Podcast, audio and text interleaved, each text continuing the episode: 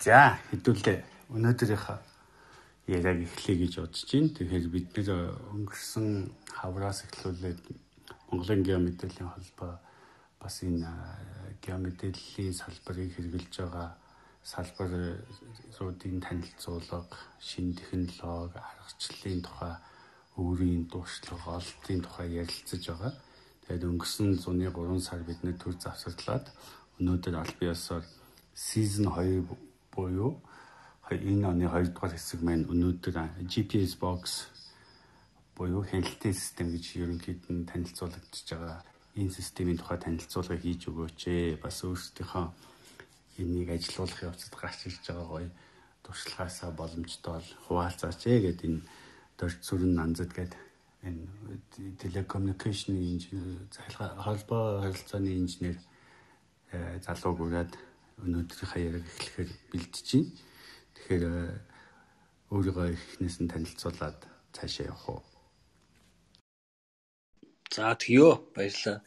Миний нэр Дорцрон ариун зүй холбооны чиглэлийн инженер, яг яг шүүр бол сансрын холбооны хэмэл дагуулгын холбооны чиглэлийн инженер юм байна. Тэгээ өөрийнхөө яг мэрэгжлийн дагуу нисхийн салбарт нэлээд олон жил ажилласан. Аа тэгээд сүүлийн нэг хэдэн жилийн хугацаанд автомашин болон тээврийн хэрэгсэл ер нь аст байгаа тоног төхөөрөмж хөдөлгөөнтэй объектууд байгууламжуудын хяналтыг ийм үйлчилгээний чиглэлээр үйл ажиллагаа явуулдаг жижигхэн компани ажиллаулж явж байна. Тэгээ ер нь бол яг хуу байр зүй, газар зүй мэдээлэл бол маш олон төрлийн амьдрал бидний амьдралд их гүн гүнзгий одоо бизнест орж эхэлж байна л да. Энэгүүгээр одоо сүүлийн үеийн тэр онлайн худалдаа нь Гэтэл хаяг баяр зүй мэдээлэл маш их чухал хэрэгтэй болж эхэлж байна. А бидний өнөөдрийн явуулаад байгаа GPS хяналтын систем гэж яриад байгаа. GPS гэдэг бол одоо бидний мэд ганцхан нь шүү дээ. Байр зүүн мэдээлэл тодорхойлж өгж яадаг хиймэл дагуулын нэг систем. Энэ маань Америкийн засгийн газрын мэдэлд байдаг GPS гэдэг системээр бид мэдээд идэг. Тэрнээс биш бол GPS гэдэг энэ байр зүүн энэ хиймэл дагуулын системтэй ижил төстэй навигацийн юм хиймэл дагуулын систем бол дэлхийд одоо бүтэн ажиллаж байгаа нь одоо Оросын GLONASS систем. За юуны Европын холбооны Galileo систем. За Хятадын засгийн газрын сүүлийн үед нэлээд эрчимтэй энэ сансрын технологиор ороод байгаа энэ байр зүүн мэдээллийн одоо Beidou гэсэн систем. Одоо ийм системүүд бол яг баг глобал бүрхэлттэй болоод эхэлж байна л да. Галилей юу хоёр бол GPS хоёр бол технологийн хувьд бол төстэй нэг технологийн суурьтай хоёлаа нөгөө нэг кодын модуляцтай тийм хэмэл дагуулын байр зүй систем тохиогдох систем байгаа. Аа Оросын GLONASS систем бол нөгөө давтамжийн модуляцтай арай илүү нөгөө нэг аналог тал руугаа гэсэн тийм систем байгаа. Гэт ийм хэд хэдэн байр зүүн хэмэл дагуулын систем одоо 70-аад оны үеэс технологи нь хэрэгжээд ингээд нам орбитийн хиймэл дагуулуудын тусламжтайгаар газар дах хөдөлгөөн толгой хөдөлгөөнгүй объектуудын байршлыг өндөр наривчлалтайгаар тодорхойлдог болсон. Тэгээ энэ маань явсаар хагаад бол анх бол цэргийн зорилттой гарч явж байгаа. Тэгээд энэ 80-ад оны сүүл үеэр анх энгийн хэрэглээнд орж эхэлсэн байдгийг. Байр зүүн энэ хиймэл дагуулын системүүд. Анх авахта та бүхэн бас санаж л байгаах бас юм энэс уншсан байж магадгүй нөгөө э, юуны иргэний агарын тээврийн онгоцыг андуурч унгаасан пуужингаар харуулж унгаасан тэр тохиолдод гарсан. Иргэний агарын тээврийн онгоц төөрөөд нөгөө Орос Оросын нутаг дэвс рүү Камчаткийн хойгоор ороод өмнөд солонгосын кал компани онгоцтой. Тэгээд тэр онгоцыг Оросод э, буудаад унгаацсан. Тэр нь одоо 300 хүнтэй иргэний агарын тээвэр онгоц байсан.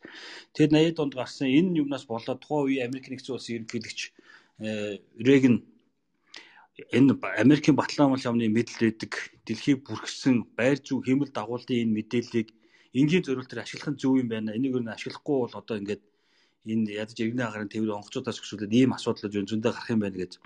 Тэгээд тухайн үеийн иргэний эсхийн байгууллагата царамж бичиг байгуулад Америк батлан улс юм. Тэгээд энэ GPS гэдэг юм маань 80-ад оны сүүлээс эхлээд энгийн хэрэглээнд орсон. Тэг өнөөдөр тэрний хэрэглээр бүр төгсөсөөр байгаад бидний гар утас болгон GPS буюу GNSS-ийн дохио хүлээ авах хүчтэй үйлдвэрлэдэг хэмжээнд хүртлээ өнөөдөр бидний өдөр тутмын энгийн хэрэглээнд ингээ бүр нэвт шингээд орчлоо л доо. Энэ маань. Тэгээ энэгүүгээр одоо баг одоо бүх бизнесүүд хаягдлын системүүд одоо ингээл гар утсан дээрээс одоо хамгийн наазах нь бидний түгээмэл ашиглагддаг Google Map Maps.me гэл одоо энэ байр зүүн систем. зөв гар утсан дээрээс бид нар байр зүүн тухайн үед бол одоо 80-ад оны үед бол мөрөөдөл баг боломжгүй гэж хэлсэн юм бол өнөөдөр бид гарт ороод ирсэн технологи болсон. Тэгээ энэ технологи маань бол маш олон янзаар ашиглагдж байна.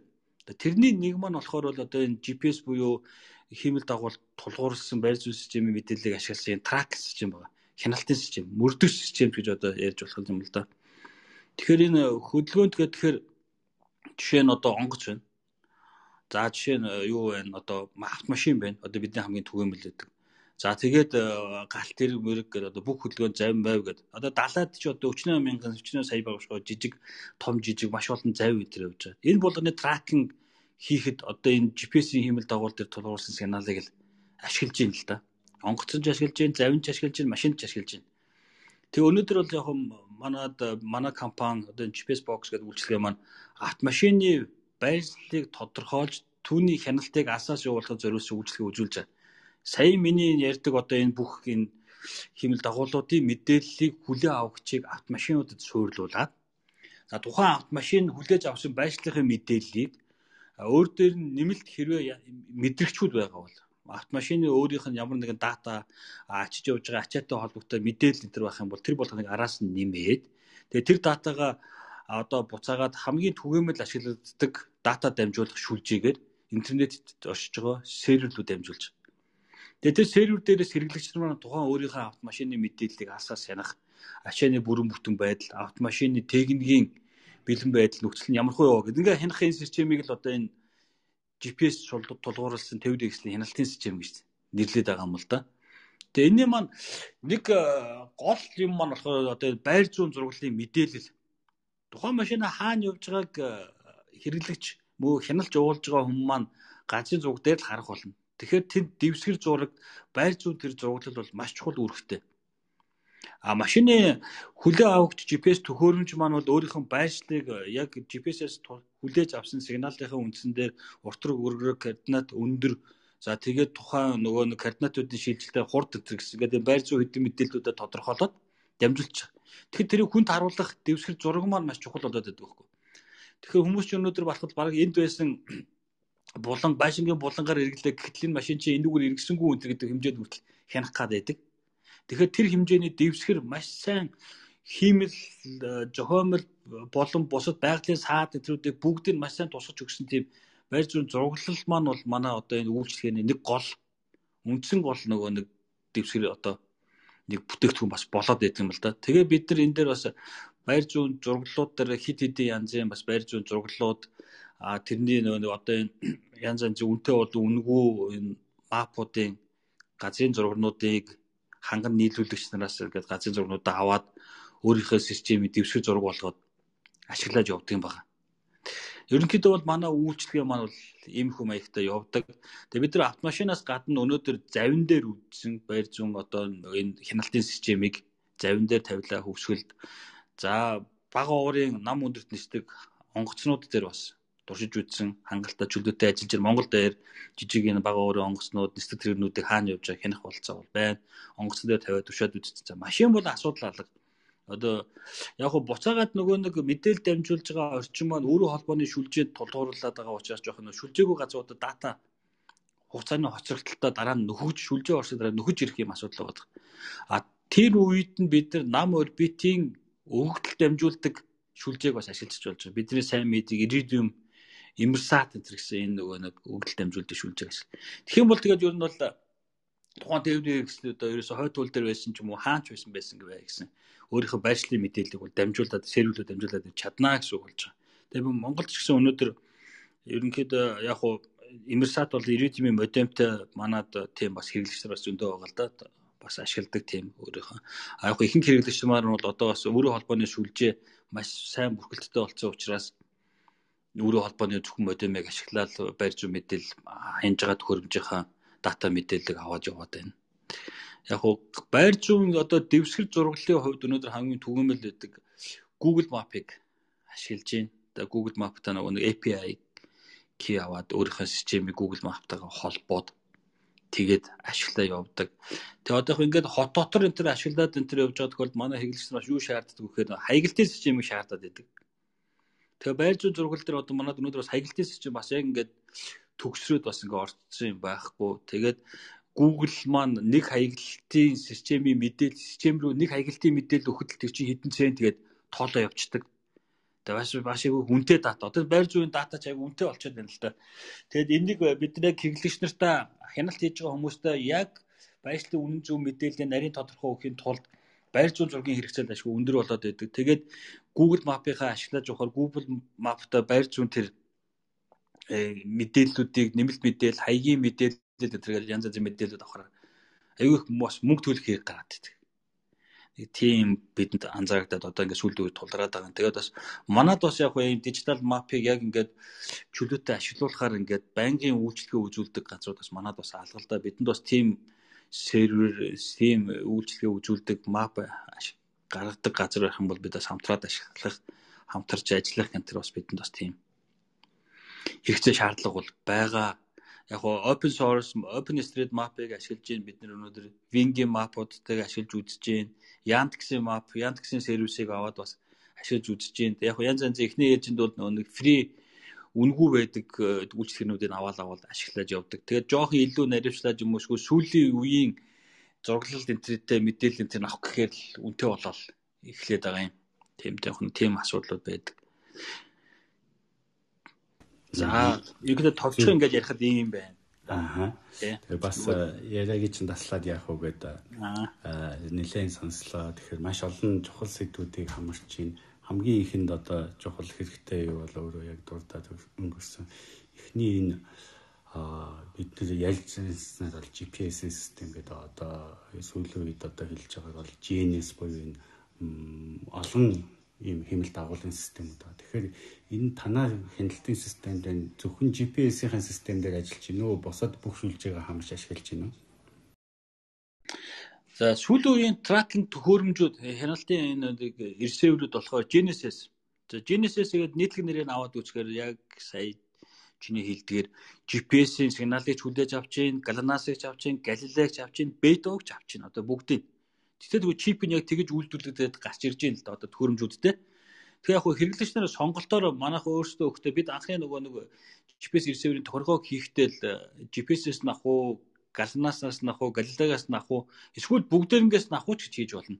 Яг олон ганцхан GPS-ээс авахд нэг одоо наривчлал за нэг хэдэн метрт 10 20 метртэй гэж гарч ирсэн бол Галилег юм уу эсвэл Галанас GPS хоёрыг хооронд нийлүүлээд гараад ирэнгүүт тухайн нэг моментод хүлээж авч байгаа хиймэл тохиолдолд GPS дангаар авахад 7-оос 8 хиймэл дагуултай мэдээл болсуулаад барь зүүн координат байршлаа тодорхойлж исэн бол хавсагчингууд 18 20 22-ыг хүртэл авч байгаа. Тэгэхээр нөгөө тухайн нөгөө хөдөлгөөнт объектын байршил бүр 1 м 2 м-ийн төлөв ороод ирчих. 3 м-ийн төлөв ороод. Тэгэхээр аль хор бид нар олон системдээ давхар ажиллахаар тохиромж өгч байгаа. Яг үйлдвэрлэж байгаа тоног төхөөрөмжүүдийн хувьд бол бүгдэнд нь ажиллахаар одоо үйлдвэрлэгдэж байгаа. Тэнд бол нэг тийм баг асуудалгүй болцсон байгаа. Ер нь л одоо яаж л энэ гэхдээ одоо галанаас GPS хоёр л одоо дэлхийд яг бүрэн бүрхэлттэй яг глобалны бүрхэлттэйгээр бүтэн үйлчлэгээ үзүүлж байгаа. За Галилей энэ төр бол бас яг бүрэн болж бас амжаагүй байна. Тийм. Яг хятадд ч гэсэн бас бүрэн болж бас амжаагүй байгаа. Гэхдээ хятад бас манад бас сигнал маналд нь сайн төлөө авагддаг бас GPS байшлын мэдээллүүдийн орж ирдэг байгаа. Тэгэхээр төхөөрөмжүүд дээр бид нар явахдаа нэг хоёрыг сонгоод өгч тийм дөө нэг GPS Галанас хоёрыг давхар ажиллуулж хахад нэг 15 6-аас дээш химэл дагуул нэг удаад хүлдээгээд давхад чинь асар өндөр ах. Бидэнд ер нь явахдаа нэг дөрвөн мэдээлэл хэрэгтэй байгаа даа шүү дээ. X тэглэг, уртраг, өргөрөг, Y тэглэг тэгээд нөгөө нэг өндөр тэгээд цаг хугацаа яг тухайн моментод цаг хугацаа. Ингээд энэ дөрвөн үлд мэдэх байгаа юм чи бидэнд хамгийн багтаа нэг дөрвөн параметр ороод ирэхэд бид нар авчихна. Тэгээ дөрвөн параметр дээр дахиад 4 нэмэхэд 5 гэдээ ороод ирэх юм бол бид алдаа тасрын коррекц хийж чадна. 6 гэдээ ороод ирэх юм бол илүү наривчлал болгоод дахиад коррекцаа илүү сайжруулад тэгэхээр нөө байр зүүн координатны наривчлал нь илүү сайжруулж яваад байгаа гэсэн. Тэгэхээр 15 6 20 гэдээ ирэхэд бол наривчлал маш сайжраад ороод ирдээ. Ер нь бол Тэгээ одоо сүүлийн үед бас нөгөө нэг GPS-ээс гадна одоо энэ нөгөө газар доорх юм уу эсвэл байшин дотор тракинг систем гэдээ бас бид нэр сонирхоод судлаад үзчихлээ. Бас зарим газрууд бас асууж байна нөгөө нэг э, гайгүй хэрэглэгчдэр өдрөөс нэг газар доогор орчих үе яа трак хийх юм бихүү. Одоо яаж ч юулд бол орчиж байгаа шүү. Өндөр байшингийн доогоор орох, байшингийн хажуугаар явах энэ төр урлангууд нөгөө нэг GPS-ийн сигнал маань сарнаад ойлт мойлт нэглээд хугараад эхлэхээр жоох алдаа алдаа гараад эхэлдэг байхгүй. Тэр үед яаж нөгөө нэг коррекц хийж илүү сайжруулах юм ажиглах уу гэдгсэн тийм алгоритмтай бас нөгөө нэг GPS receiver энтрүүдийг асуудалж байна чинь. Тэгээ бидний нөгөө нэг энэ GPS receiver-өөс суулгацсан машинууд чинь хөдөлгөөн топогт хаан урал хаана явж магадгүй. Тэгэхээр хаач явж байсан бэ гэсэн тэрний байршлын мэдээлэл үнэн зөв авах нь бидэнд чухал болоод байдаг. Тэрнээс зүгээр нэг хатуу цэг дээр авчиад нэг э, хөдөлгөөнгөө Genesis receiver тавьж байгаад нэг цэгийн хатуу цэг тодорхойлох бол бас амархан л да. Тэгээ манай үүсгээ чинь бас жоохон онцлогтой Тэгээд нөө нэг GPS-ийн хүлээ авахчийн антин мантин дотор маань санаатай болон санамсаргүй байдлаар юм юмар халахалч нь гэдэг бас машин дотор асуудал их гарна. Тэгэхээр тэгээд маунт суурдвал газар мазраас гүшүүлэл юм гардаг юм. Одоо баруунд бол одоо GPS, GNS jammer гэдэг одоо долгион хаагч их Amazon дээр зарагддаг болцсон байлээ тий. Тэрнтэй адилхан зүйлүүд бас тохиолдлоо гэсэн үг. Тэр манад бас тохиолдож байсан шүү дээ гарч ирж байсан. Genesis Jammer бол тэр Genesis Jammer detection хийдэг багж бас байдаг байхгүй юу? Genesis Jammer болж гэнэ үү гэд. Тэгээ манай нөгөө нэг сүүлийн бас бидний байгаа яг жишээ яг гоо сонирхолтой зөв юм асуулаа. Нөгөө манай GPS tracker төхөөрөмжүүд өөртөө Jammer detection хийгээд буцаагаад нөгөө нэг хэрэглэгчтэй мэддэг тийм алгоритмтай болж эхэлж байгаа. Одоо төхөөрөмжүүд нь зарим нь. Jammer хийгээд миний GPS-ийн сигналыг reception дээр ямар нэг байдлаар ариутуу юм уу эсвэл нөлөөлөл орж ирээд би GPS-ийн сигналаа э, сайн хүлээ авч чадахгүй байна гэдэг хүмүүс хэрэглэгч рүүгээ мэдгэж байгаа байхгүй. Тэрийгээ. Тэгэхэд энэ маань бас жоохон ухаалаг болоод байгаа уулна э, төхөөрөмж маань. Ерөнхийдөө явахдаа хяналтын төхөөрөмжийг ажилуулахгүй байх дайсаа айгу олон шүү дээ. Тэгээд э, жолоочоос гэсүүлэл хэн ч гэсэн өөрийнхөө машинд хянадаг төхөөрөмж тавиулчаад тэрийг хаана явж байгааг нь байр зүүн зурган дээр өөр хүнд харуулж авах хүсэхгүй. Тэгэхээр бас юу л хэдий яг захирлууд юм уу? Эсвэл хянаж байгаа хүмүүс муудаа хянамаар байгаад байдаг. Хянуулах гэж нөхдөөд манаас хянуулахгүй энэ гэл ингээл. Янз янз юм ашигланаа тэр. Анти мантиныг GPS-ийн зүгээр яг та нарт нөгөө нэг юм эдийн чөлөөтэй ярьж байгаа юм чи хамаагүй үст те ярьж хахад нөгөө GPS-ийн антиныг бидний газрын нэг машин нэг компани машин ажиллахгүй GPS-ийн сигнал нь хүлээж авч чадахгүй координат нь алдаад байна гэхээр нь очиод юмуудын янзлаад шалгаа үзээ үжсэн чинь GPS-ийн Genesis-ийн хүлээ авч антиныг туулхан цасаар буугаад тавьсан байсан шүү дээ дээрэс нь. Тэгээд тэр чинь юу нөө GPS-ийн сигнал нь байхгүй антен тасархаач юм шиг ерөөсөө GPS сигнал байхгүй заагаад байгаа юм чинь. Ерөөсөө ямар ч координат нь орж ижгүй хамгийн сүүлийнхэн байрлал дээр байгаад байдаг. Тэгсэн мөртлөө машин яваад байна гэж хэлээд байдаг. Тэгээ бид нар очиж үзсэн туулган цаасаа сайхан бүнжийтл нэгээд шоколадны цаасаар хит давхарлаа боогоо ицсэн байл яа. Тэгээд тэр чинь юу байхгүй болчихж байгаа юм чинь. Сигнал нь хүлээ авалт юм. Тэгээ яг одоо байр зүүн одоо ашиглаж байгаа сансрын хиймэл дагуулын систем маань өөрөө их сайжрал байна л да. Алдаа засварын кодчлал юмуд нь нэмэгдээл хүлээ. Тэгээ хүлээ авахч нар чипүүдийг үйлдвэрлэж гисэн бас одоо э, тэр алдаа засварын өөрийгөө нөгөө нэг GPS сигнал мөнэл алдах малтах үед бас э, бидгдэг энэ төр болоо сүүчи хийснээр чинь бас нөгөө нэг энэ дээрээс нэмээд хэлэхэд яг хуу зүгээр нисхийн чиглэлд бол тракинг хийж яхад газар газарт бас нөгөө нэг хатуу тулгуур цэг дээрээс э, дохио өгч идэг GPS юм уу Genesis-ийн газрын станцд зоочдөг. Тэгээд нөө дифференциал GPS гэж бид нар мэдэндээ тэгээд дифференциал GPS-ийн газраас нэг тулгуур нэг цэгийн яг хатуу координатыг цацаад иждэг байхгүй газрын станц маань тэр тулгуур хатуу цэг. Тэгэхээр дээгүүрээс чи онгоц маань өөрийнхөө нөгөө нэг хэмэл дагуулуудаас хүлээж авч тодорхойлсон байр зүүн мэдээллийнхаа алдаатай байгаа үгүй хэсгийг газраас хийсэн алдаа тушрын кодтой харьцуулаад үзчихдэг. Тэгэхээр тэр хатуу цэгийн координат тарьжуулж үзээ тэрнээс хэр зэрэг зөрж ин тэрүүгээр өөрийнхөө байшлын мэдээллийг бас залруулж явчихдаг. Тэгэхээр бас машин дээр ч гэсэн бас ийм юмуудыг хот мотод дотор бас ашигладаг. Бас тэр газар доор гараж маш дотор орчин гараж газар доогоор том объект энтрүү дээр явж байгаа машиныг энэ хянахад бас барь зүүн сигнал химэл дагуулын сигналыг бас өсгөж авахд бас энэ технологиг бас ашигладаг юм байлээ.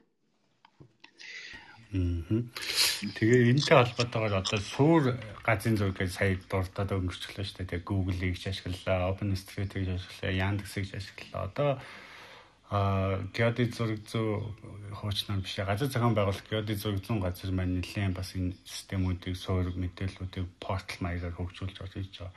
Энэ портал руу танаа систем холбогдож ажиллах боломжтой юу? Үгүй бол бас одоо сүүлийн хавар одоо ярьж байгаа iTools ч юм уу iTools map юм уу ч юм уу меню map юм ч юм уу ийм map серверүүдийг үзүүлж байгаа компаниуд бас холбогдож болно гэсэн үг.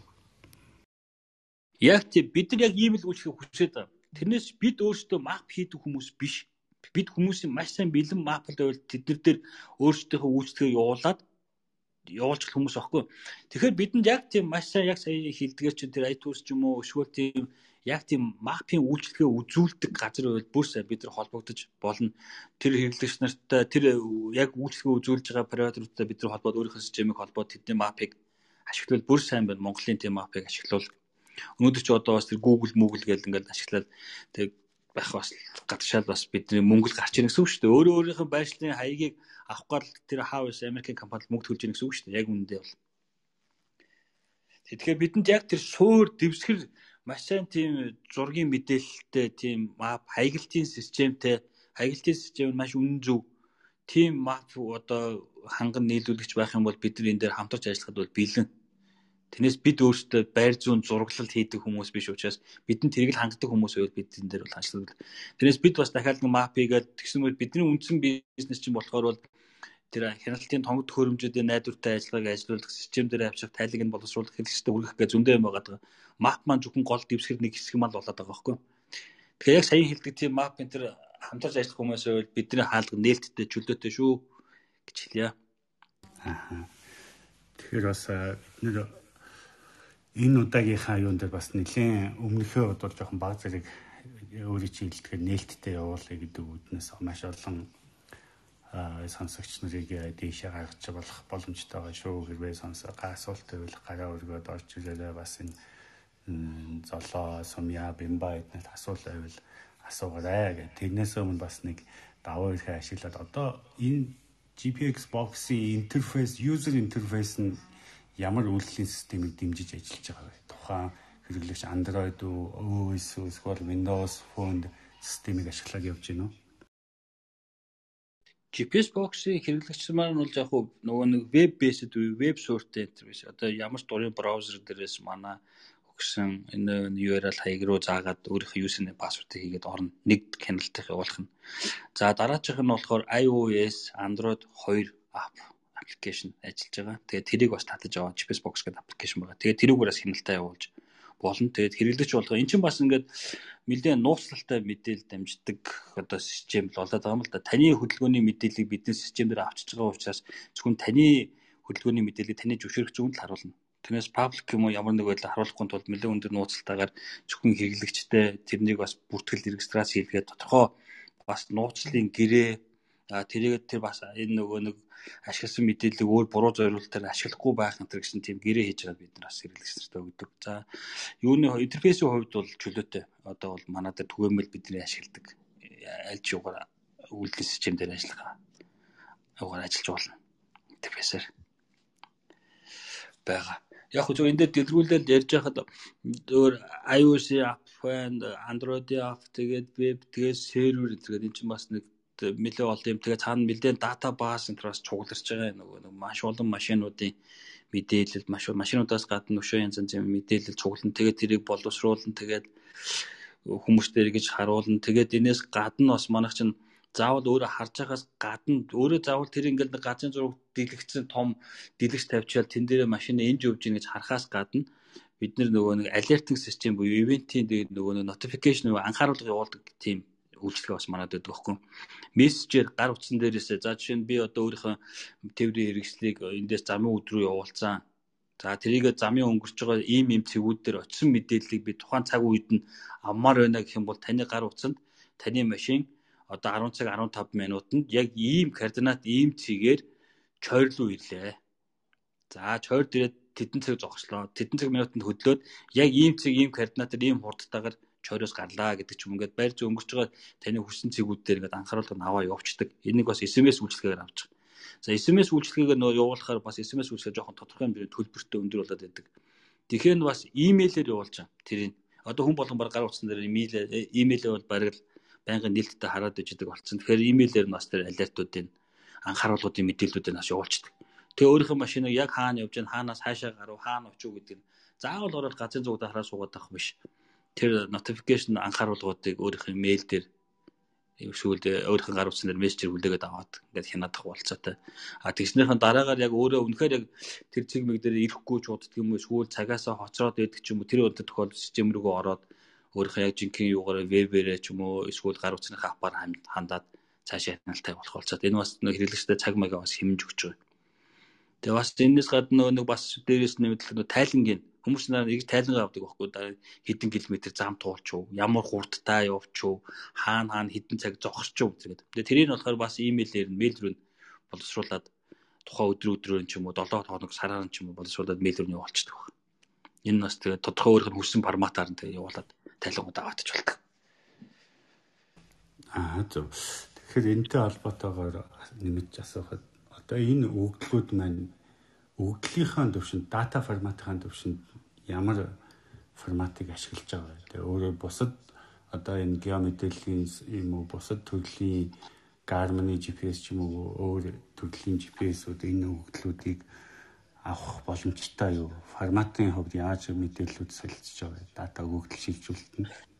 Яг уу манай дээр явсан байр зүүн одоо машиныхаа яваад өнгөрсөн мэдээллүүдийг бид нэг Garmin-ых ч юм уу эсвэл нөгөө Google Earth ч үүдэг нөгөө нэг Geodata exchange хийдэг нөгөө нэг KLM гэдэг мөрөлдөлтөд файлаар TG файлаа гаргаад өгнө. Тэгээд экспорт хийгээд аваад өгч болно. Эсвэл манайтай холбогдоод тодорхой хугацаар нөө API энэ гар манах сервертэй холбогдоод тодорхой газар зүүн байр зүүн мэдээлэл эсвэл машиныхаа хөдөлгөөний мэдээлэл төрөдөг бас форматаар авч болно. За. Энэ сонсогч нараас асуулт байвал асуугаарай. Би бас хэвтэрхий давгаалж асуугаад байж магадгүй.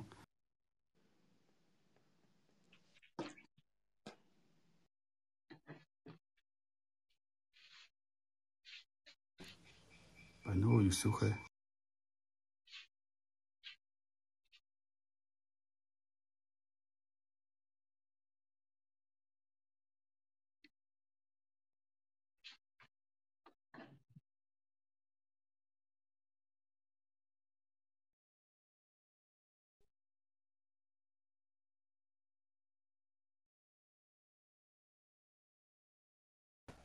За асуулт асуухгүй юм шиг байна. Микрофон нэлтдээ суухаар жоохон хүлээлээ.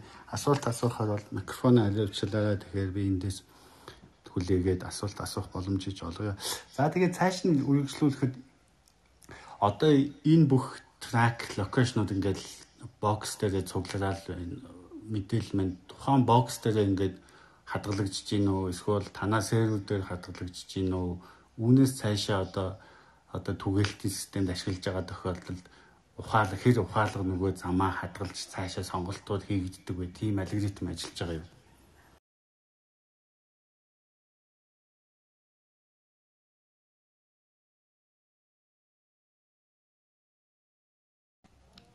Байна уу? Оо байна уу? Оо сая микрофон хаалттай тэгээд ярьчихсан байж та андуураад. Аа за. Адаа марч тий. Ер нь бол юу нөгөө манай дээр хадгалагдж байгаа датанууд маань хэрэглэгч нар маань тодорхой хэмжээний нөгөө нэг өөрөө датаг хэдийн хугацаанд хадгалуулах уу гэдгээр нь бид нэр сервер дээр датаг нь хадгалдаг байгаа. За 3 сар, 6 сар, 12 сар гэсэн хугацаагаар бид нар хүний датаг бол хадгалдаг. Тэгээ бид нар бүх хүний датаг байнгын хадгална гэж бол байхгүй манай серверийн хүчин чадал тэр их дата машинуудын блокчнуудыг тэгэхээр бол тодорхой хугацаагаар тэр хүний гэрээс гэрээ заасан хугацаар хадгалаад тэрний өмнөхүүдийн устгаа явдаг байгаа. А тухайн хүн өөрөө бэкап хийж өөрийнхөө тэр нөгөө нэг өмнөх датаг аавнаг бол тэрийг харин зүгээр бэкап хийгээд аваад өгчвөл болдог байгаа. За ямар нэг ухаалаг алгоритм энэ төр бол нэг тийм бол байхгүй. Одоо яг хөө тэр манайх чинь навигаци зориулттай биш жолоочд юм уу ямар нэгэн тэр машины тээврийн хэрэгсэл зам сонгоход нь тусалцах үзүүлэх юм бол манайх э, юунд байхгүй учраас тийм энэ тэр үйлчлэгээ бол үзүүлдэг. А зүгээр голцоо манайч яг хяналтын гэдэг зориултаараа нөгөө нэг хянж байгаа хүндээ голлож нөгөө мэдээлэл явуулдаг. За яг хянж байгаа хүндээ юу гэж мэдээлэл явуулах вэ гэхээр тодорхой хэмжээний маршрут замыг нөгөө нэг дэвсгэр зурган дээр байршуулаад зураад өгдөг. Хэрэглэгч маань өөрсдийнхөө нөгөө нэг дэвсгэр зурган дээр өөрсдийнхөө дурын цэгүүдийг эсвэл тодорхой хэмжээний жо фенс жо хүрээг ингээд татаад энэ өгч болдог. Мөн хоёр цэгийг холбосон тодорхой хэмжээний өргөнтэйгээр замыг энэ зураад өгч болдог. Тэгээд тэрүүгээр явж байгаа тээврийн хэрэгсэл тэр тухайн зам энтрээс хазаах эсвэл хоёр цэг бүстэй эсвэл гарахгүй ёстой Улаанбаатараас юусаа гарах ёсгүй маш Улаанбаатараас гараа явуучих гэдэг юм уу? Тэр тохиолдолд юусаа хянж байгаа хүнд л маш их мэдээлэлүүд очино тэглээ тэтэнцэг тэдэм явуултан тэр машин энэ маршрутаас гарлаа. Тэтэнцэг тэдэм явуултанд энэ хүрээнээс гараа явуулчлаа гэдэг ч юм уу тийм байдлаар бол очдог. А жолоочд сүүлийн үед нэг анхааруулга энэ төр өгөх энэ төр нэг юм дээр нь жолооч нарт нөгөө нэг хурдны хязгаарлалтыг хэтрүүлсэн тохиолдолд одоо жишээ нь хот орондын машинууд 80 км цагийн явах бол 80-аас хэтрээд эхлэнгүүт нь манай GPS төхөөрөмжүүд маань GPS tracking төхөөрөмжүүд жолоочд хандсан дохио өгдөг байсан. Гэрэл асаадаг. А эсвэл нөгөө нэг сигнал дуурдаг болчих гэсэн. Тийм л жолоочтой юм байна. Тэрнээс та буруу замаар орлоо морлоо гэсэн тийм ухаалаг юмнууд бол байхгүй навигац юмтай. Яг гоо навигацийн Garmin GPS-тэй GPS нөгөө нэг э, Garmin дэлгэцтэй GPS төхөөрөмжтэй биднээс өөрийнхөө системийг холбож туршиж үзсэн л дээ ажиллаж бас үзсэн. Тэр маань юу болж ийнө вэхээр нөгөө оператор хянж байгаа оператор маань жолоочд чиглэл өгдөг маягаар буцаагаад системээс мессеж уулдаг. А тэнгуут тэр Garmin-ы дэлгэсэндээ жолоочийн очих цэгийг жолоочд үзүүл зааж өгдөг. За тэгээд тэрнээсээ цааш жолооч маань Garmin-ийнхаа GPS-ийг ашиглаад очих waypoint-о нөгөө диспетчерс ирсэн цэгээр хатгааж явахаар Garmin-ы GPS маань замын заагаад өгөх интернет болцоод ийм харилцаа холболтын мессеж солилцох юмудаг бол харин болж байгаа.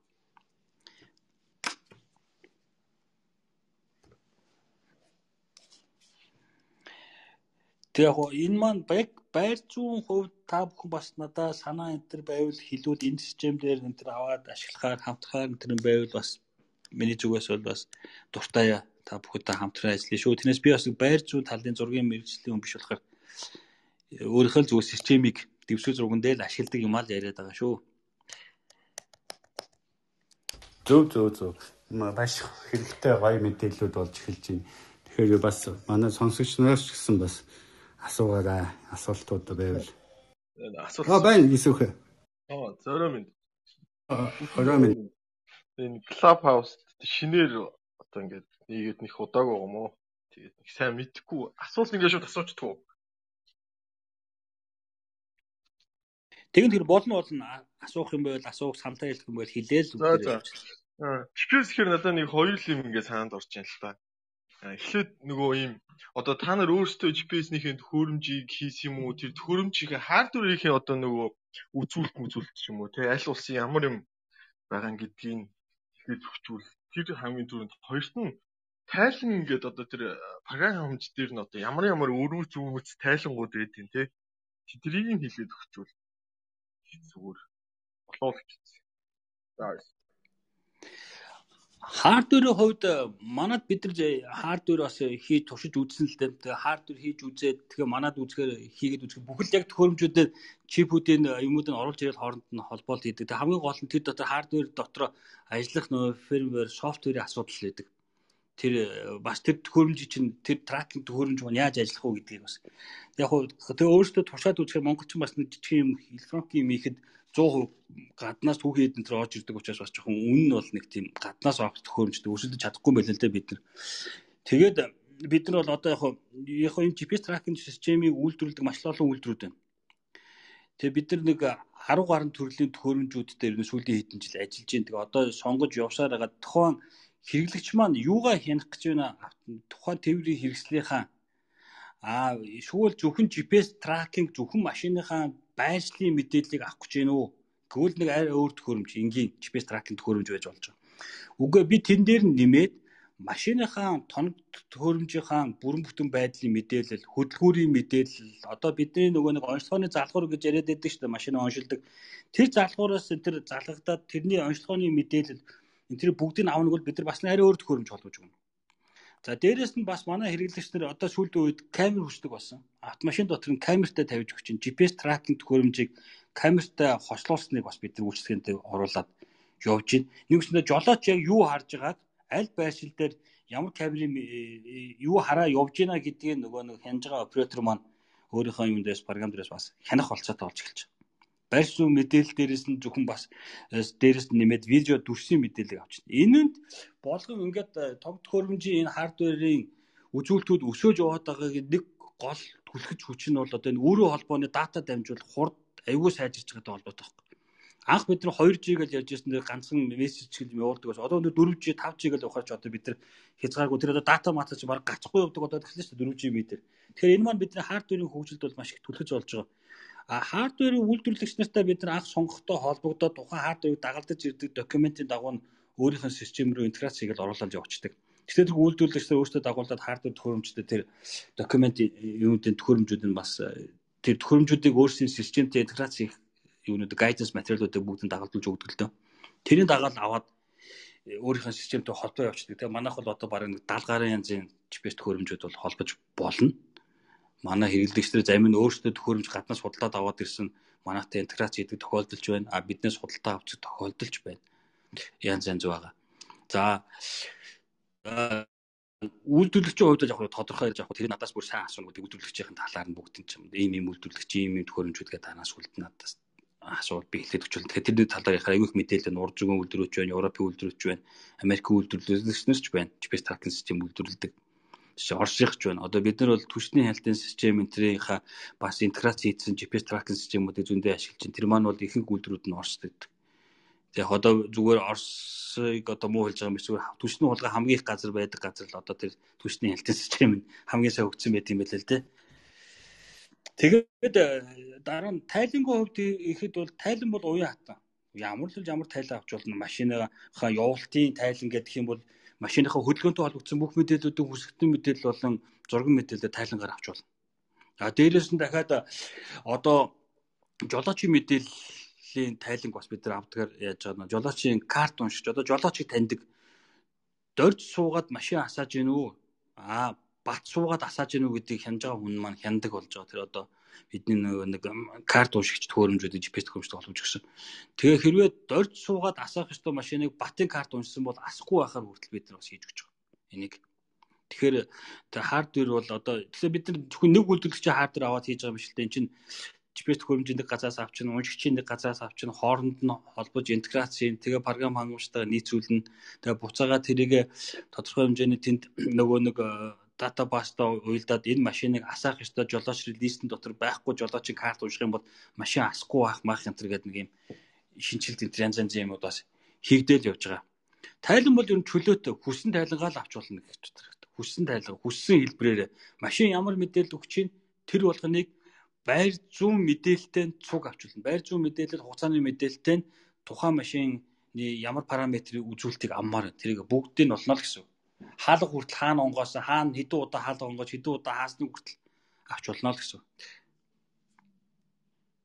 Нилийн аналитик төвшөнд очиж байна гэж бас ойлгож болох юм тийм ээ.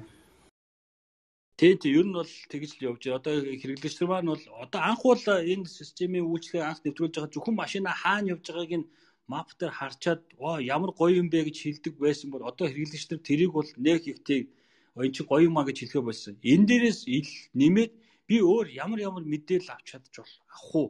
Ямар ямар тайлан үзэх үү? Миний машины тосны төвшин унах юм бол энэ систем чинь надад хэлэх юм уу энэ гэж хэлдэг байсан баг. Бүр одоо тэр үнтэй үнтэй машин төхөөрөмжүүд ашиглаж байгаа энэ тохиолдолд.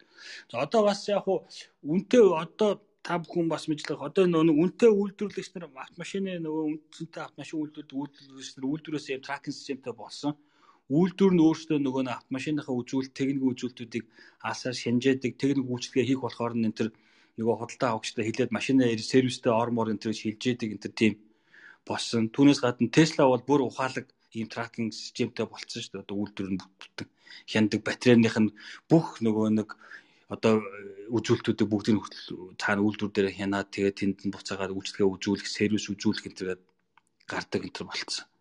Тэгээ энэ маань бас дагалдаад энэ тракинг системийг э, одоо энэ автомашин борлуулж байгаа үйлдвэрлэгч бас их ашигладаг юм байна л дээ. Яг хөө өөртөө. Энд чинь дагаад нөгөө сэлбэгийн бизнес энэ төр аягүй дагаа явчихдаг юм шиг үлээ бас миний зүг бод. Аа нөгөө Джон Дэлийн трактор компанид хүртэл одоо хөдөө аж ахуйд яг хяналтын системээ оруулаад эхэллээ л дээ бас таахгүй хэрэглээд Тийм тийм хэрэгж байгаа Джон дээр Нүү Холланд гэдэг биднээс газар зүүн. Гэхдээ байр энэ гац тариалан төхөөрөмжүүдээр бас туршиж үзээ. Тэр дата матуудыг аваад ажилуулад энэ төр бас бас давжгүй бас явж байгаа юмнууд жишээнүүд бас байгаа манад. Яг тэр машин хөдөлгөөрийн үзүүлэлт мүзүүлэлт тэгээд бас э, тэр э, датчик сенсоруудын мэдээллийг авах энэ төр гэл тэгэхээр бас үйлдвэрлэгч нарын тэр зөвшөөр мөшөөлгээд бас олон юмуд бас хэрэг болоод байт юм лээ бас протокол протоколуудын асуудлууд гараад байгаа. Аа. Ер нь бүтээмжийг ер нь ихэд нэмэгдүүлж байгаа тооцоо тийм танилцуулах зүйл гарч байгаа юм. Ер нь бол э, хэрэглэгчдийн хувьд бол автомашины ашиглалт бол нэг 20 орчим хувь 25 хувиар бол ер нь дээшилж гин гэсэн тооцоо бидний хувьд бас ийцэн байдаг л да.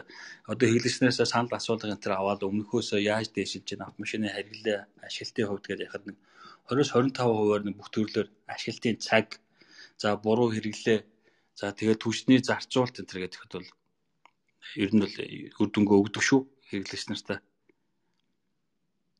Зөв зөв. Одоо машины хар бокс гэдэг тэрнтэй ихээр зохицож интеграц хийж ажиллаж байгаа. Сайн нөгөө нэг түрүү ярьлаа тэр нөгөө нэг би нэг камертай GPS тракинг төхөөрөмж гээд Аа. ярьсан тий. Тэр маань бол яг л тэр хар харьцгийг оролцож байгаа. Өөрөө дотроо бас нөгөө нэг тодорхой хэмжээний зарим нь хард тач байна. Зарим нь SD картууд суулгадаг меморинууд тач байна. Тэгээд тэд нар өөрсдөө сүүлийнхээ явсан замуудыг бүгдийг нөгөө бичлэгүүдэд хадгалаа явчихдаг. Тэгээд GPS дататайгаа. Тэгээ бидний нөгөө GPS тракинг төхөөрөмж бас даваа тал нь болохоор зүгээр заавал машин дээр очихгүйгээр одоо энэ гэртээ ч юм офстой байж байгаад байшлийн мэдээлэл авахтаа давхар видеог нь аваад харчиж байгаа байхгүй. Ингээ байж л паркинг зогсож байгаа машин дээр урд нь одоо машин тавьчихгүй байгаа яасан бол эсвэл урд нь ингээд э, юу болж ийн юу хагдаж ийн гэдэг юм бол өөрийнхөө машины камер руу нэвтэж ороод гэр дотроосоо байж байгаа л машиныхын камерыг харчихна л да. Нэлээ гоё болж эхэлж байгаа. За өөр асуулт сонсогч нараас Сумья, Бимба, Амра тэгээд отгоо байна уу? Манай сонсож байгаа энэ хүмүүсээ л гараа өргөд бас сонсогч нараас энэ асуулт асууж болно шүү. За шумын гоё систем танилцуулж байгаад баярлалаа. Аа нэг одоо танаа энэ ажиллаж байгаа бокс маань одоо борд маань single solution дээр ажиллаж байна гэж ойлгож болж байна уу? DGPS юм уу? нөгөө accuracy талынхаа сайжруулалтуудыг ямар шийдлэр болж байгаа. Тий, accuracy DGPS MPS бол э, differential GPS-ийн юм дээр л биш л дээ зүгээр л яг single GPS-ийн receiver хүлээ авахч дээр л тулгуурлал байшлах мэдээлэл тодорхойлол явж байгаа. Яг би түрүүн ярьлаа нөгөө арай илүү байшлыг сайжруулах нөгөө differential GPS-ийг бас ашиглаж болох юм гэдэг. Тэгэхээр differential жишээ GPS ашиглана гэхэд Улаанбаатар ч юм уу тийм хөдөлгөөнгүй газрын нөгөө нэг GPS хатуу цагтай GPS станцууд байгаа. Тэр маань өөрийнхөө байшлийн мэдээлэл буцаагаад манай машин руу цацж ивэл бид нар тэрийг хүлээж аваад манай GPS маань ажиллаж бас нэг хэмэл догодоос хүлээж авсан GPS-ийн сигналтай харьцуулаад алдаа засварын кодоо бас сайжруулад явж бас болох юм л да. Тэгвэл байшлийн мэдээлэл нь үнэн зөв болно л нарийнсан ч бол. Тэгэхээр нөгөө одоо жишээ нь хотын хөдөлгөөнд оролцож байгаа төхөөрөмж маань нөгөө роутинг хийхдээ нөгөө дижитал мапн дээр байгаа лайнаа л авч явахаас өөрөө бол нөгөө урсгал ялах хэмжээнд бол очихгүй байна гэж би ойлгож байна. Тийм тийм зөв зөв тэгж байгаа. Аа за тэгвэл дахиад нөгөө боксууд маань одоо нөгөө нэг сайжруулсан давтамжууд байгаад байгаа нэг аа тэрэн бил бол жишээ нөгөө нэг SPAS гэх систем, WAS гэх систем байна шүү дээ. Өөрөө агарын орон зайн нөгөө засваруудаа хийгээд тэрийгэ тооцсон сигнал өгч идэг. Тэрнийг авч байгаа шийдэл байгаа юу? Тэрийг авч байгаа шийдэл бол машин дээр бол байхгүй. Машины GPS төхөөрөмжүүд дээр яг машины GPS төхөөрөмжүүд маань тиймэрхүү юм ороод ирэхээр ч үнэн мөнгө нүнтэй болж байгаа. Зүгээр S бас бас системтэй юм дээр бол зүгээр энэ онгоц монгоц болон тэдний юунууд сервер дээр бол байдаг юм байна л да. За за баярлалаа. За баярлалаа самя. Өөр асуулт болороо.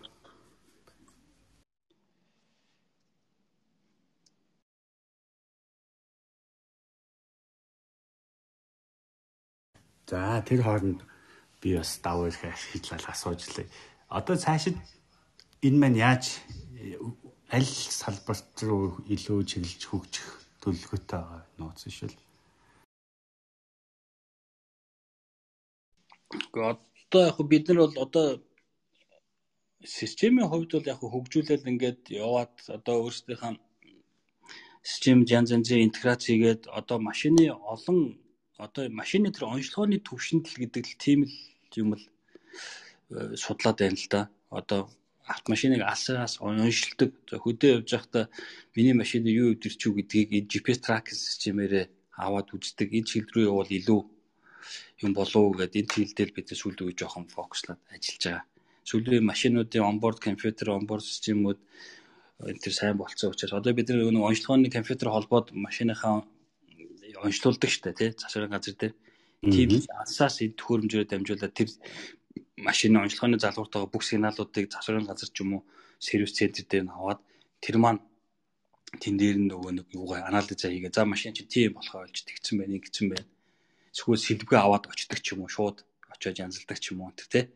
Эсвэл чи хөдөлгөж болохгүй байж ачаад ирч гэдэг юм уу гэж бүх ингээд тэр онцлогоо их алаас онцлогоо их юм дээр бас жоохон судалж үзээд байна. Тэгээ жоохон манад байгаа том уулуурхаа үнэтэй машин механизмууд бол голцоо тийм интеграц хийгдсэн байлаа л да өөртөө. Зүгээр э, одоо хятаас орж ирж байгаа э, нөгөө хоо мо энтрүүд дээр тэр онборд компьютерийн тэр гаргалт энэ юмуд нас байдгүй юм билээ бид бас үзээд байгаа. А зүгээр одоо энэ жижиг тэрэгнүүд дээр одоо бид сүүлийн үе судлаад хамгийн их байдаг нь пүрүс 20 мөр 30 мөч дээр үзсэн. Бас яг зарим мэдээлүүдийг авч болж шүү. Болоод байна бас тэгтээ бас тэр яг бүхэл бүтэн бүр онцлогоо хийчихээр тийм мэдээлэлүүд нь авч чадахгүй. Яг хөдөлгөөний үзүүлэлттэй холбогдсон мэдээллүүд болно. Тэр нөгөө нэг маслын даралт маралт өшөө юу байдгийг тэр шингэн хөргөлтийн шингэн мингний температур энэ төргээ гэсэн мэдээллүүдийг бол асаас аваад болоод байгаа. Тэгээ энэ чиглэлээр жоохон одоо судалж явж байна да. Одоо юу мэж нуухвтай тэртээ тэргүү тэгэл бүгдээр хийгээл явж байгаа юм. Энийг нэг нуугаад ах ч юм байхгүй л тэгэл Танад нэг э, харж байгаад нэг сургалтын тухай дурдаад өнгөрчөнсөн нөгөө веб хуудсан дээр чинь пэйж дээр чинь тэр тухайга танилцуулж болох уу? Яг ингэдэм л да манайх одоо бид ингээд системээ хөгжүүлэл хийгээл эдгээ байгаа боловч энэ хэрэгжилж байгаа энэ хяналтыг явуулж байгаа компаниуд маань яг энэ програмын маань бүрэн дүүрэн ашиглаж чадчихэв үү? Яг бидэн шиг энэ програм дээр ажиллаж чадчихэв үү гэдэг дээр бид нэр анхаарал тавьдаг л да. Тэгэхгүй бол Э, тодорхой хэмжээний мөнгө төлөөд машинуудаа үнэтэй тогт хөрөмжөөр суурлуулцдаг. Тэгсэн мөртлөө бас баахан тал мэдээлэл юм аваад тэрийгэ бүрэн дүүрэн ажилдаа ашиглаж чадахгүй байх тохиолдолд хэрэглэгчдүүдэд гараад идэв гэсэн. Тэгээ бид нар одоо сар болгон хэрэглэгч нартаа тодорхой хэмжээгээр сургалж явуулдаг юм. Тэгээ бас шинэ хэрэглэгч нартаа бас сургалж явуулж өгөн сургалтыг онлайн болон өөрсдөө нөгөө танкмин гэсэн хоёр хэлбэрээр сургалтуудаа явуулж өгöd байгаа. Тэн дээрээ яг энэ GPS тогт хөрөмжүүдийн сонголтонд нь бас тусалдаг л да хэрэглэгч нартаа та юу хянах гэж байгаагаас хамаараад ямар тоног төхөөрөмж сонгох уу гэдэг дээр бас тусалж өгдөг.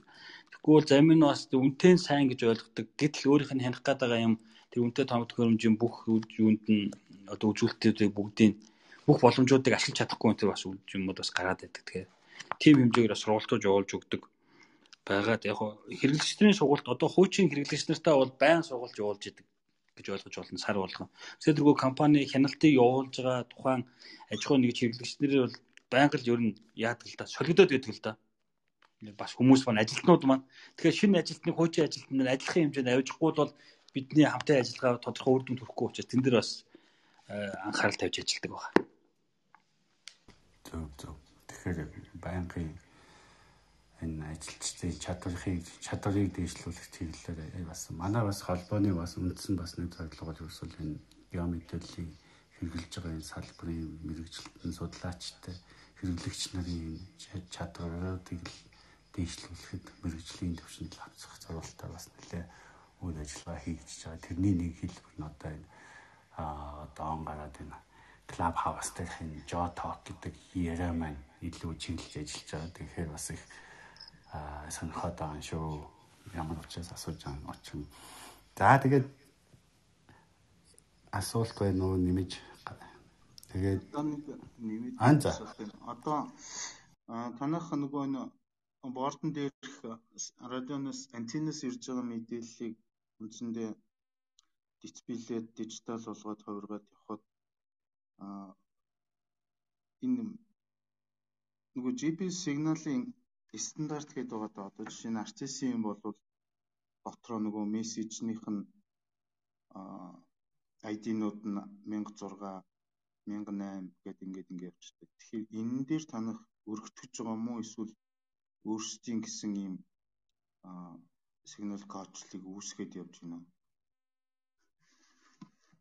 Гэхдээ бид нар ямар ч тэр өгдөгч өдр гэсэн байхгүй. Зүгээр өөрсдийн ч сигнал кодчлт үүсгээгүй тэр авсан цэвэр датагаар нь л байршлахын юг тодорхойлол явж байгаа.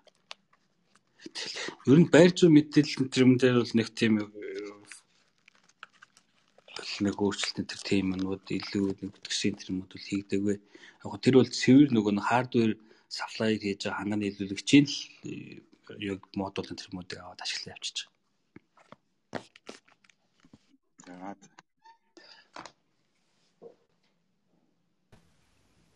За тэгээд ерөнхийдөө манай яриа бол бидний бодсон бэлдсэн асуултууд маань бүрэн хамарсан гэж болж байна. Баярлалаа дөрцөрөө бас сонсогчноос асуулт хэрэг байхгүй бол ер нь өнөөдрийнхөө яриаг дуусгах саналтай байна. Тэрнээс өмнө дөрцөнд нэг ийм юмыг би нэг яриаггүй өнгөрцөнд танаа энэ жот хогтор нэг ингээд нэг яриад бас түрүүн бас хальт урдаад өнгөрсөн мэдээж суур мэдээллийн энэ тоон газрын зурагтай үйлчлэгээ үзүүлдэг компаниудтай бид хамтарч ажиллах боломжтой гэдэг шиг ийм зүйлс байгаа юу? Тэр тухай танилцуулах уу? За тэгээд энэ өрөөндөө урьж оруулж бас ярих болцоо олгосонд бас баярлалаа. Тэгээд яг л түрүү чи сая хэлдэг тэр дэвсгэр зургийн тэр геодатаг ханган нийлүүлэх тим хамтрагч тэр чиглэлээр ажиллах одоо ажилтдаг компани тэр бол биднээс хамтраад ажиллахад бас бэлэн байх шүү. Заавал янз янзын тентхийн фри тэр тийм газрын зураг мургууд эсвэл нэг мөнгө гаднаас авсан юм геодата энэ юмудаар ашиглахаас илүү дотоодын тийм ханган нийлүүлэгч мап газрын зургийн хангалтч байвал бас хамтраад ажиллахад бид билэн гэж хэлээ да. Яг хөө тэгээд тэрнээс гаднаас яг хөө энэ зүгээр миний зүгээр санаа хэлэхэд энэ дандаа байр зүүн зурглалын чиглэлийн газар зүүн дата цуглал хүмүүс байгаа бид нар энэ э, хиймэс хаадууд айгүй их ингээд үүсдэг. Одоо машин тракинсчүүдээ нэг зам энэ төр ингээд гинт төр зуурын саадууд те. Зам хаагдаж маагдсан. Одоо эсвэл зам засвартай байсан. Эсвэл нэг байгалийн болцсон энэ төр гэл тэнгуэл энийг л маш хурдан хурдан байр зүүн зурган дээр э, өөрчлөлт оруулаад мэдээлэлд энэ төр яваад байвал бас зүгээр юм шиг бид ч бас хэрэглэгч нартай энэ талаас нь та нар машина энэ шиг бити явуулаараа энэ чинь ингэсэн байна ийм байна гэдэг мэдээллийг яг тухайн үед нь тэр юунда хянж байгаа операторуудтай өгдөг болчвол бас зүгээр энийг харин яаж тэр тэр төр зуурын тэр өөрчлөлтүүдийг датануудыг тэр байр зургийн зургандаа оруулж одоо ханган нийлүүлж чадах тийм хүмүүс байдаг болоо. Одоо энэ хараад байхад Yandex гэсэн тэр бол айгүй шүрхий одоо энэ Google Map энэ Америкт ашиглахдаа шал өөр л байгаад байдаг л да. Тэр шиг энэ тэр тим хэмжээнд бас манай энэ байр зүйн мэдээлэл энэ газар зүйн мэдээлэл тэр хэмжээнд хүрч болох юм болоо тэгвэл бидэнд бас маш их хэрэгцээтэй байна шүү л гэж хэлэх гэсэн юм аа. За. Хөөрөм алгадаа тэгээ бүгдэнд нь маш их баярлалаа. Тэгээд бас нэг сайн мэдээлэл бас өгч чадсан уугүй би бас өөртөө итгэлгүй л хэн тэгээд тодорхой хэмжээнд бас ярих гэж та бүхэн тайлбарлах гэж оролдлоо. Оо миний хувьд бол их сэтгэл хангалуун байна уу баярлалаа.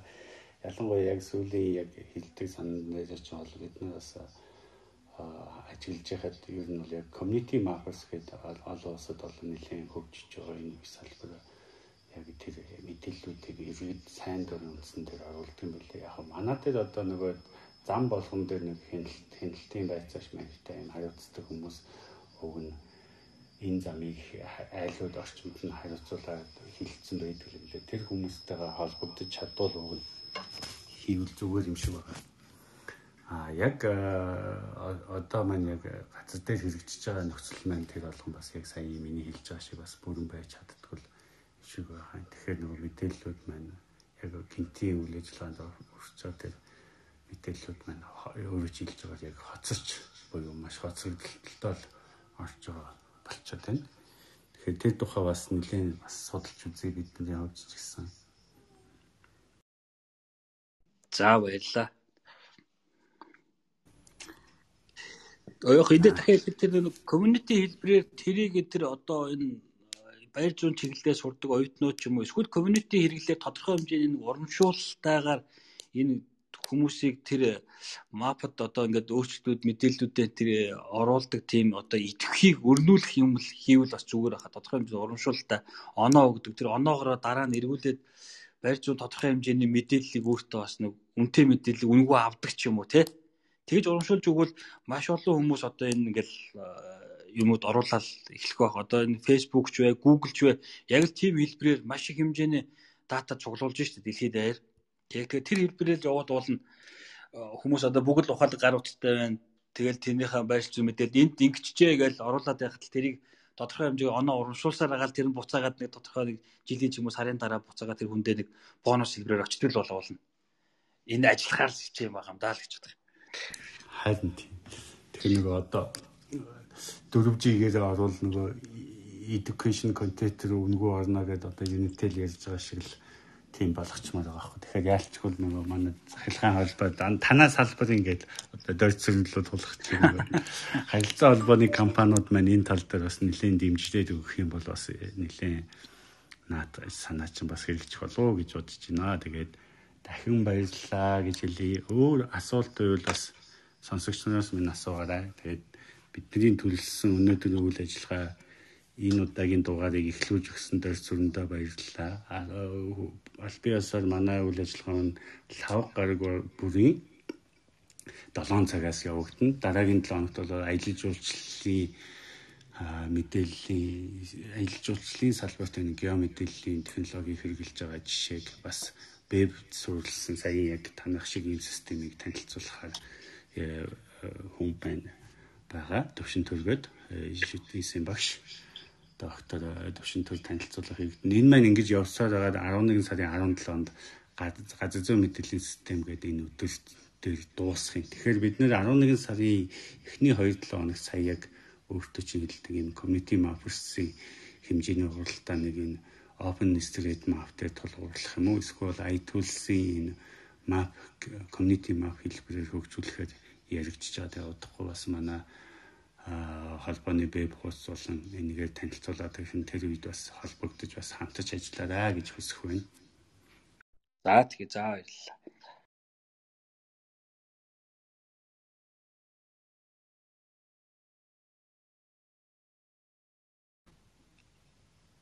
За асуулт байхгүй бол өрөөгөө өндөрлөөд хаах уу хэдүүлээ.